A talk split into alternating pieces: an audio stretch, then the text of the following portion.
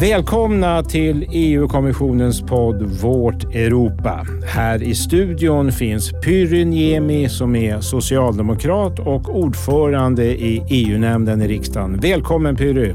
Tack så mycket Wille. Och självklart finns också vår nästan ständige gäst Christian Danielsson som är chef för EU-kommissionens kontor här i Sverige. Välkommen Christian! Tack för det Willy. Jag heter Willy Silberstein och idag ska vi prata om det här. Thank you, Mrs. President, honorable members. If I look at the state of the Union today, I see a strong soul in everything what we do. It was Robert Schuman who said, Europe needs a soul, an ideal, Ja, det var alltså EU-kommissionens president Ursula von der Leyen som höll sitt årliga tal om tillståndet i unionen, State of the Union.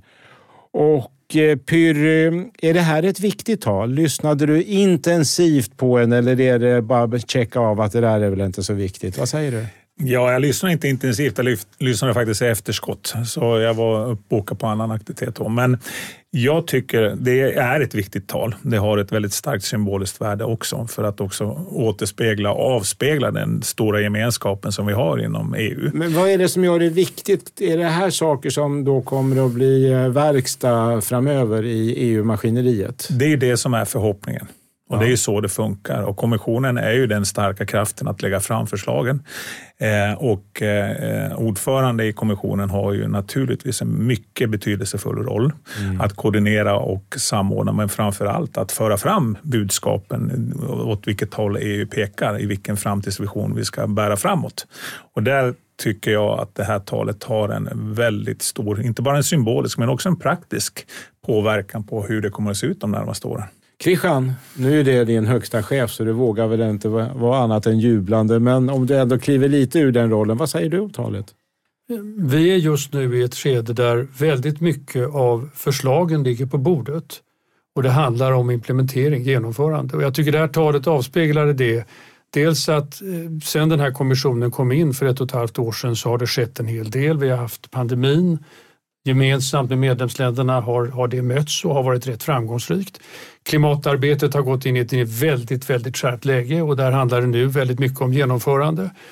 Och sen pekade hon lite framåt också på områden och digitala lite på samma sätt. Men så pekade hon framåt också på områden, precis som Pure säger, där, där hon gör bedömningen att här, här måste vi samarbeta mer. Och då handlade det om det digitala och för hur vi ska kunna garantera att den kan ge den här pushen till, till tillväxt och välstånd som vi vill se. Det handlade om hälsan. Det handlade om också säkerhetsfrågorna, säkerhetspolitiska frågorna och det handlade väldigt mycket också om värderingsfrågorna. Och det tycker jag var viktigt att det kom ut i det här talet eh, och ger den här, precis den inspirationen som Pyry pekar på. Och jag har ju förberett några klipp ifrån hennes tal men jag tänkte ändå ställa frågan, vad fick vi inte höra som du Pyry kanske hade velat höra? Ja, alltså jag hade nog kanske velat hört lite grann om UK och Brexit. Det är en sak. Eh, för det, inte, det, har inte varit helt oväsentligt de senaste åren eh, och det har ju påverkat till exempel riksdagens EU-arbete väldigt mycket eftersom vi har fått tag i ganska många beslut.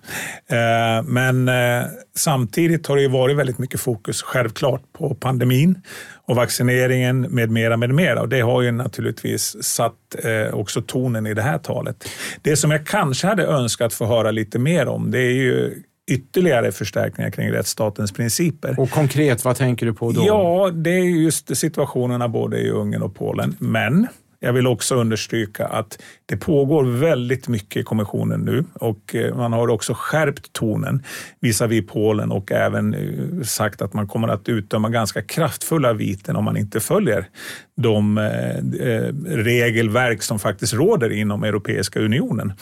Och när det gäller rättsstatens principer så pågår det ganska tuffa diskussioner både med Ungern och Polen och där känner jag nu efter bara senaste året att det har skett en tillskärpning. Så jag tror kanske att det fanns skäl till att det inte nämndes så mycket Men du, eh, som processen är igång. Det låter som du ändå gärna hade hört att hon hade nämnt Ungern och Polen vid namn och ändå viftat lite med blåslampan. Ja, det hade jag ju kunna tycka, om man ska se det kanske ur ett lite mer allmänmänskligt perspektiv, så tror jag det hade kanske varit bra. Hade jag varit talskrivare så hade jag nämnt det. Men samtidigt så tänker jag så här att jag vet att mycket är på gång. Eh, och det är klart att ett sånt här tal ska innefatta jättemycket. Det är ju som statsminister Löfvens regeringsförklaring. Allt ska in. Och det är ju precis samma sak för eh, von der Leyen att också försöka sammanfatta alla önskemål som alla kommissionärer vill lyfta med hennes tal. Eh, och tiden är oftast begränsad. Så jag tänker att man fått, vissa grejer får man ta bort vid det här tillfället och konstatera att det här funkar hyggligt bra i alla fall. Okej, okay. Christian, var det något du efterlyser Nej, det kan inte jag säga att jag Nej. efterlyser. Nej. Men jag tycker vad Pyry säger om värderingsfrågorna är viktiga. Och om du inte mm. skulle fråga Pyry, alltså, hur ser du värderingsfrågorna i den svenska Europadebatten? Och jag tänker på inte bara då att det är vissa medlemsländer som inte lever upp till dem utan hur EU som samarbetet det är kan medverka till att, att, att det blir en ordentlig uppslutning i alla länder omkring de här frågorna. Jag tycker det är en jättebra fråga. Eh, jag är ju en väldigt varm tillskyndare av eh, europeiska samarbetet, det vill jag verkligen understryka. Och jag tycker det är helt fantastiskt att 27 medlemsstater faktiskt kan komma överens på det här sättet som vi ändå gör. Eh, trots att vi många gånger har väldigt skilda kulturella betingelser och ekonomiska system och politiska system med mera. Med mera. Men när det gäller rättsstatens principer och värderingsfrågorna så är det väldigt viktigt att vi styr åt samma håll. Eh, det går åt rätt håll, men fortfarande så ser vi avvikelser till och från i många länder.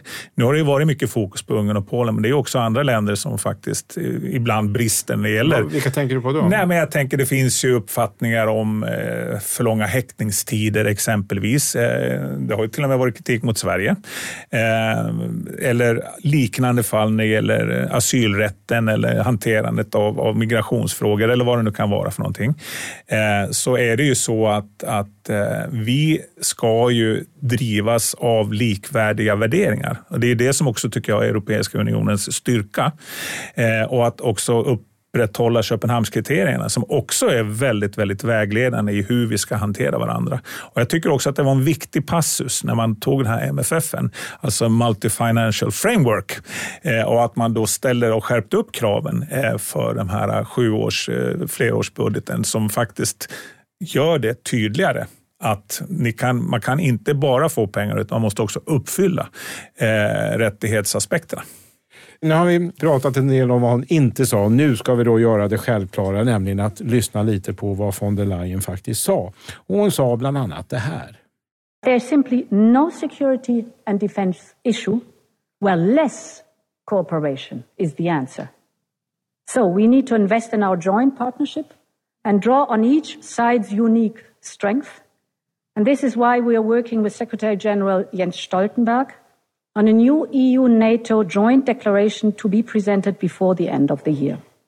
Ja, Pyrrhy, eh, mer eh, försvarssamarbete. Någonting säger mig att du inte riktigt jublar, eller gör du det? Jag tänker så här, vi har ju Pesco. Som är, och det får du förklara. Och, och det är ju då egentligen ett kan man säga, forsknings och vetenskapligt samarbete eh, för att utveckla eh, befintliga vapensystem och vapenmodeller och vapenleveranser inom EU där varje medlem inom det här PESCO-samarbetet då ska bidra med en insats. I Sverige så handlar det om att vi har ju eh, flygövningar, bland annat uppe i norra Sverige, där många av EU-länderna kan komma och ansluta sig till det. Det tycker jag är ett jättebra exempel på en fungerande försvarssamarbete. Eftersom vapentillverkning och försvarssamarbeten i grunden är ju så att säga, multinationella. Men är du rädd för att ändå är på, att, på väg att glida emot mer samarbete som kan vara jobbigt, till exempel för det alliansfria Sverige? Alltså jag tänker så här, alltså vi har ju möjlighet också att avstå samarbete. Eh, vi har ju ställt upp eh, på Frankrike då när det gäller insatserna i Libyen bland annat. Eh, vi har ett samarbete till exempel med fransmännen i, i Mali, eh, det här som heter Task Force Takuba exempelvis.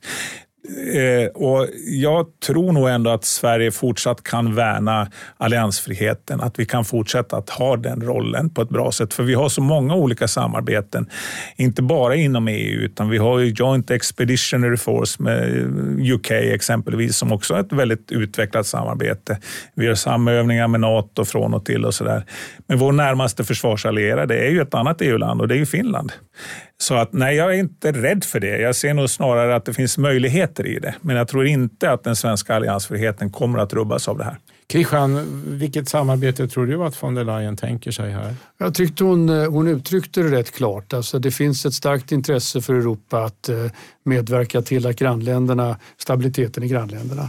Eh, det är viktigt för Europa att vara starka på cybersäkerhet som ju blir allt mer dominerande. Och så precis som Puri säger att eh, det är viktigt också att kunna ha kapacitet att agera när inte FN eller NATO agerar. Och det är de exempel som till exempel du tog. Så jag tror det är det som är utgångspunkten. Men så säger hon någonting annat, att ytterst handlar det om politisk vilja. Alltså vad, vilka kapaciteter vill vi bygga upp och vad är den politiska viljan att göra det?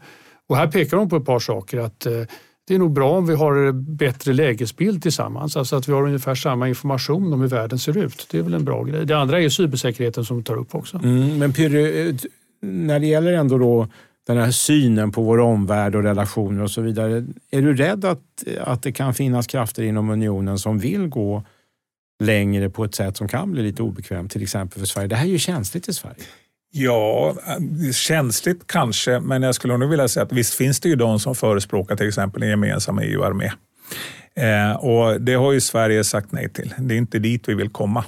Utan vi vill ha den andra typen av eh, samarbeten som både Christian och jag har varit inne på. Eh, och sen kanske det blir framöver, när det till exempel cybersäkerheten, det kan bli en väldigt stor, den är ju en stor fråga. Eh, inte minst på det polisiära området så har vi mycket diskussioner kring det. Eh, men sen också när det gäller försvarssidan så tror jag nog att det kan bli en större utveckling av samarbete när det gäller utveckling av kanske vapensystem och den typen av aktiviteter mer än att vi ska sätta eh, stövlar och vapen på marken.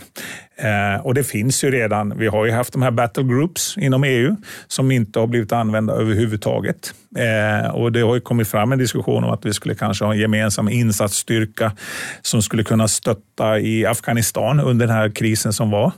Eh, och, och, Det är väl sånt som man får ta och liksom reflektera över. Men jag tror inte att vi både ska ha battle groups och en insatsstyrka. Utan då får man liksom ta, kanske bestämma sig för var vi ska gå någonstans. Men, eh, men du känner dig lugn med att... Ja, jag känner, jag känner mig nog ganska trygg. För jag tror att den stora frågan handlar om att, att värna EUs integritet och inre säkerhet och yttre säkerhet. Men det kommer, jag menar, vi, vi har ju NATO som en stor garant eh, där väldigt, väldigt många EU-länder ändå deltar i. Och Sverige har ett väldigt bra samarbete med NATO och har haft det under flera år. Så att jag känner inte att vi kommer att hamna i det här läget att vi till slut kommer att bilda en EU-armé, ur min personliga synvinkel. Jag, jag, jag har svårt att se det i dagsläget. Men däremot på de andra fokusområdena så tror jag det. Och när vi ändå är inne på detta område runt försvar så nyligen, det är alltså den 24 september idag, för någon vecka sedan så kom nyheten för väldigt många om ett fördjupat försvarssamarbete mellan Australien, USA och Storbritannien, så kallade AUKUS. Christian, är det här en, eh, latent, eh, ett latent problem för EU? Nej, vad, det är inte ett latent problem utan det här är ju det är ett uttryck för att eh, det har varit en, det samarbetet som du har grundar sig på de säkerhetspolitiska överväganden som de tre parterna som är delaktiga i det har, har kommit fram till. Och sen har det lett till eh, spänningar därför att eh, det var samtidigt ett, en, en ett avtal mellan Frankrike och Australien som, som fransmännen av förklarliga skäl blev förvånade och kanske lite mer än så över att eh, det här hände utan att de hade vetskap om det. Och nu har det varit en diskussion omkring det. Min bedömning är att nu har det här, det här lagt sig i någon mening och eh, det viktiga är ju att titta på den stora bilden. Och I den stora bilden så finns det all anledning att ha ett fördjupat samarbete över Atlanten med USA, mellan USA. Och likaså är det viktigt att eh, fortsätta ha ett nära samarbete också med Australien. Men samtidigt är det, det här är ju tre länder som inte är med i EU och som nu går samman i ett samarbete. Eh, som berör relationer till Kina till exempel. Skulle inte EU vilja vara med här och utöva inflytande? Ja, det får vi se i framtiden. Samtidigt har ju eh, de här, just de här USA och, eh, och EU ett väldigt nära samarbete också när det gäller att diskutera förhållandet till Kina. Du ser ingen risk att den här goda transatlantiska relationen mellan EU och USA naggas lite i kanten? Jo, men det har du ju sett i media att det är klart att det här har påverkat och det finns ju röster som pekar i den riktningen som du pekar. Men min bedömning är att stora flertalet av medlemsländer och också eh, beslutsfattare, är, är, för dem är det väldigt viktigt att se till att den här frågan inte leder till att eh, det viktiga samarbetet över Atlanten ifrågasätts. Pyry nickar Instämmer. instämmande Absolut. kan jag säga till de som då inte ser Pyry mm. utan hör honom och nickningar hörs inte. Hörrni, vi går vidare för von der Leyen pratade också om det här. We depend right now on state of the art chips manufactured by Asia. So this is not just a matter of our competitiveness. This is also a matter of tech sovereignty. So let's put all our forces in it to improve this situation. We will present a new European Chips Act. We need to link together our world class research, design, and testing capacities. We need to coordinate the European level and the national investment along the value chain. And the aim is to jointly create a state of the art European chip ecosystem, including production that ensures our security of supply and will develop new markets for groundbreaking European tech. Ja, Pyry, har vi hittat lösningen på bristen på halvledare inom unionen nu? Är du lugn? Ja, ska jag väl säga. Eh, här är jag väl lite mer, kanske inte skeptisk, men Ja, självklart så ska vi se över tillståndet för halvledarbristen är väldigt påtaglig. Den har en så otrolig inverkan på så många saker. Digitaliseringen totalt sett är ju en av hörnstenarna också i återhämtningen inom EU tillsammans med den gröna ekonomin. Så att det här är ju någonting som vi självklart måste ta på allvar. Eh, och ja, vi har ju samarbeten när det gäller batterier och, och det finns massa andra samarbeten när det gäller produktionskapaciteter också. Så att det är ju ingenting nytt för oss. Eh, så att absolut, vi ska titta på det här med nyfikna ögon. Eh, men sen ska vi inte heller tänka oss att vi bara ska hamna i någon slags protektionism. Att det här ska bara vara något EU-internt samarbete eller EU-internt jobb. Utan vi ska se det med nyfikna ögon och, och tänka att okej, okay, det här kan också vara någonting som eh, förädlar och gör det bättre. Men vi, vi är också inom EU tycker jag och framförallt självklart i Sverige också. Vi är också väldigt noggranna med frihandel.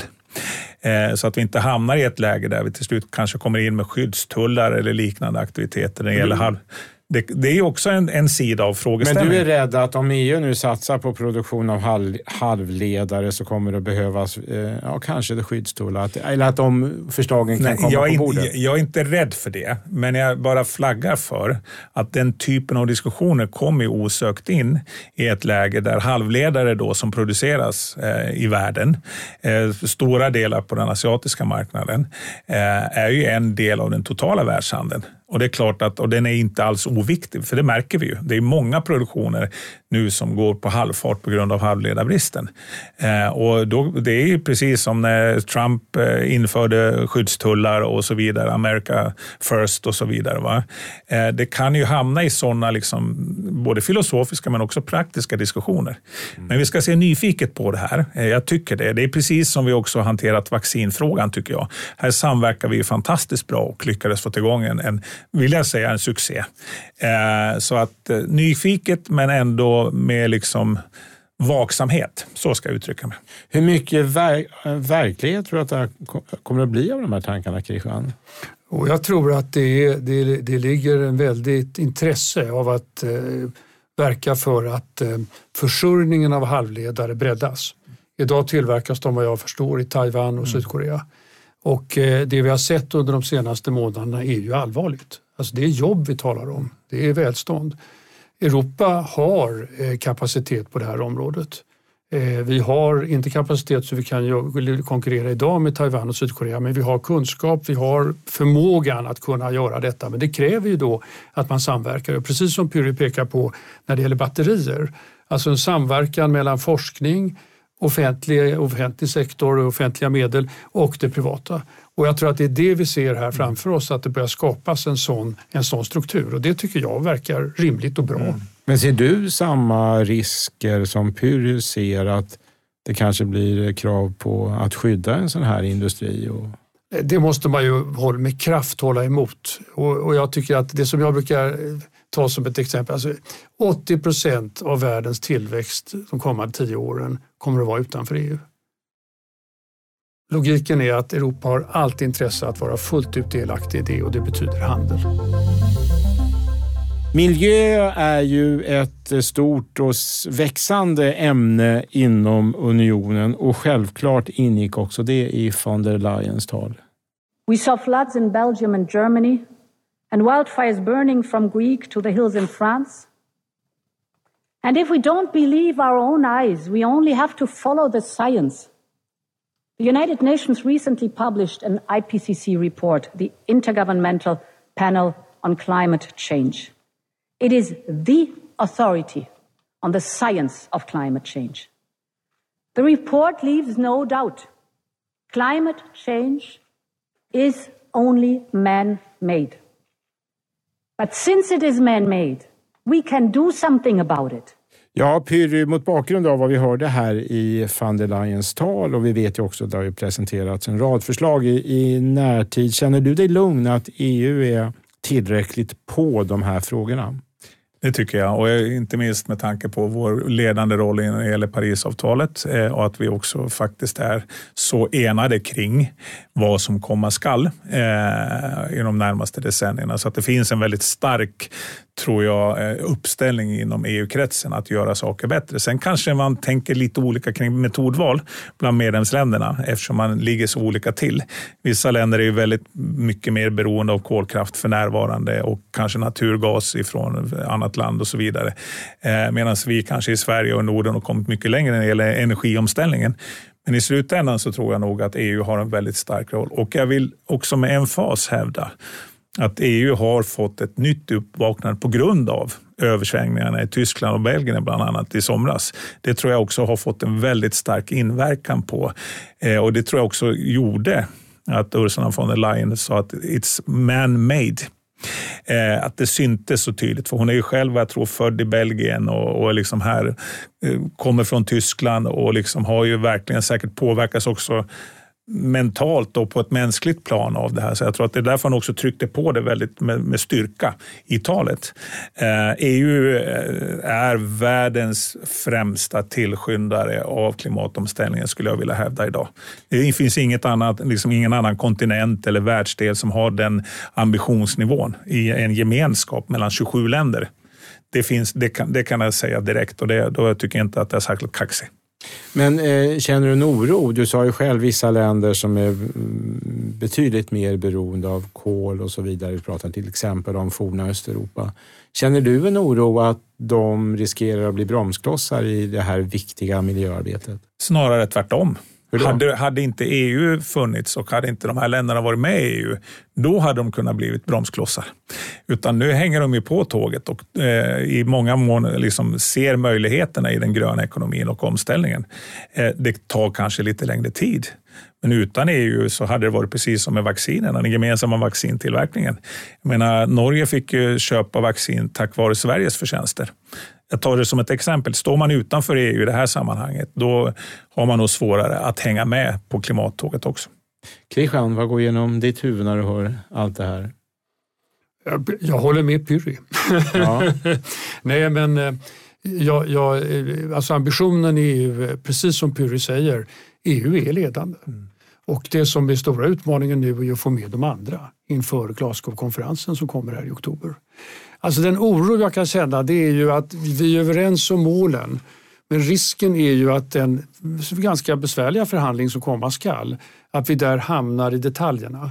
Allt ifrån det här hur mycket mark och skog ska absorbera när det gäller koldioxid, det som kallas för LULUCF, till eh, vilka ambitioner ska vi sätta när det gäller eh, utsläppshandelssystemet och då i synnerhet när det gäller vägtrafiken. Det vill kort sagt priset på bensin och dieselolja. Alltså, när vi hamnar i den kan det bli besvärligt att inte se helheten och där, kan, där blir det viktigt att, att de som förhandlar och den politiska ledningen hela tiden har det i huvudet.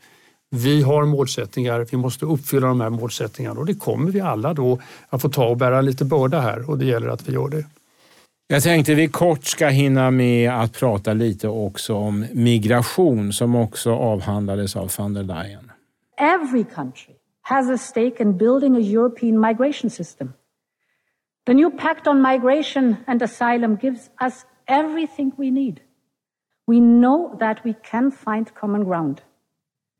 But in the years since the Commission presented the pact, progress has been painfully slow. And I think this is the moment now for European migration management policy.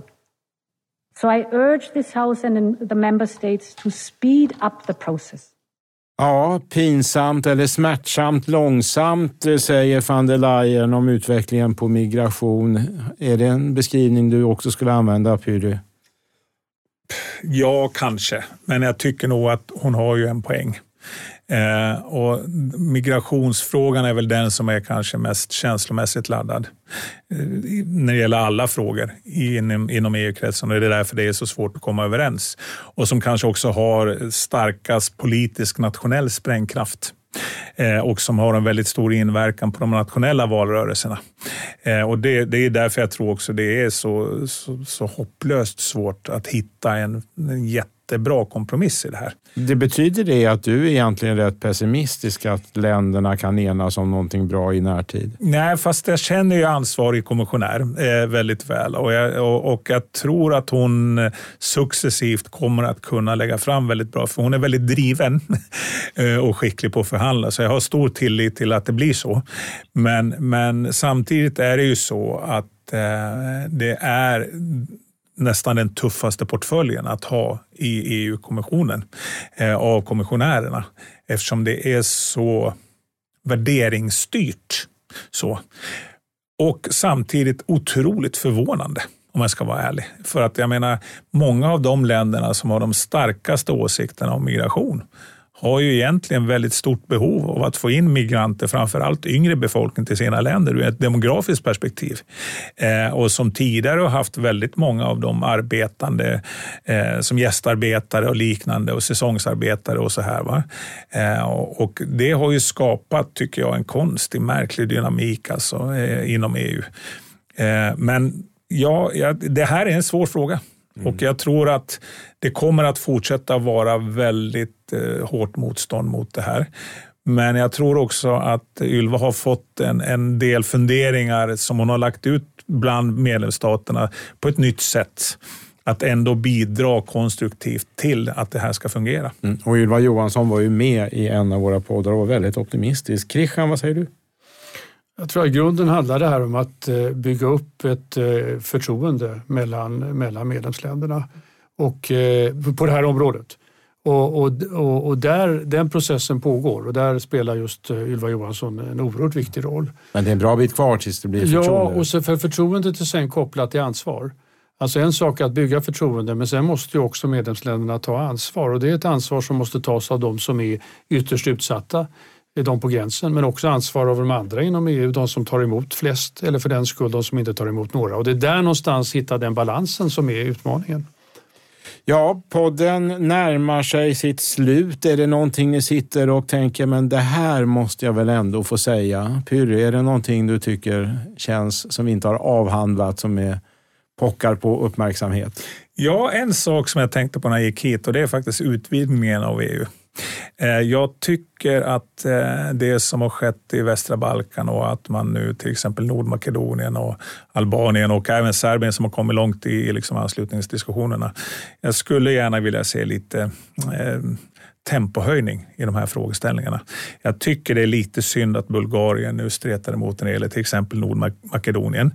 Eh, och det är mest av inrikespolitiska skäl skulle jag nog vilja hävda eftersom de fortfarande inte har någon regering på plats i Bulgarien och det, det är ett krångligt läge.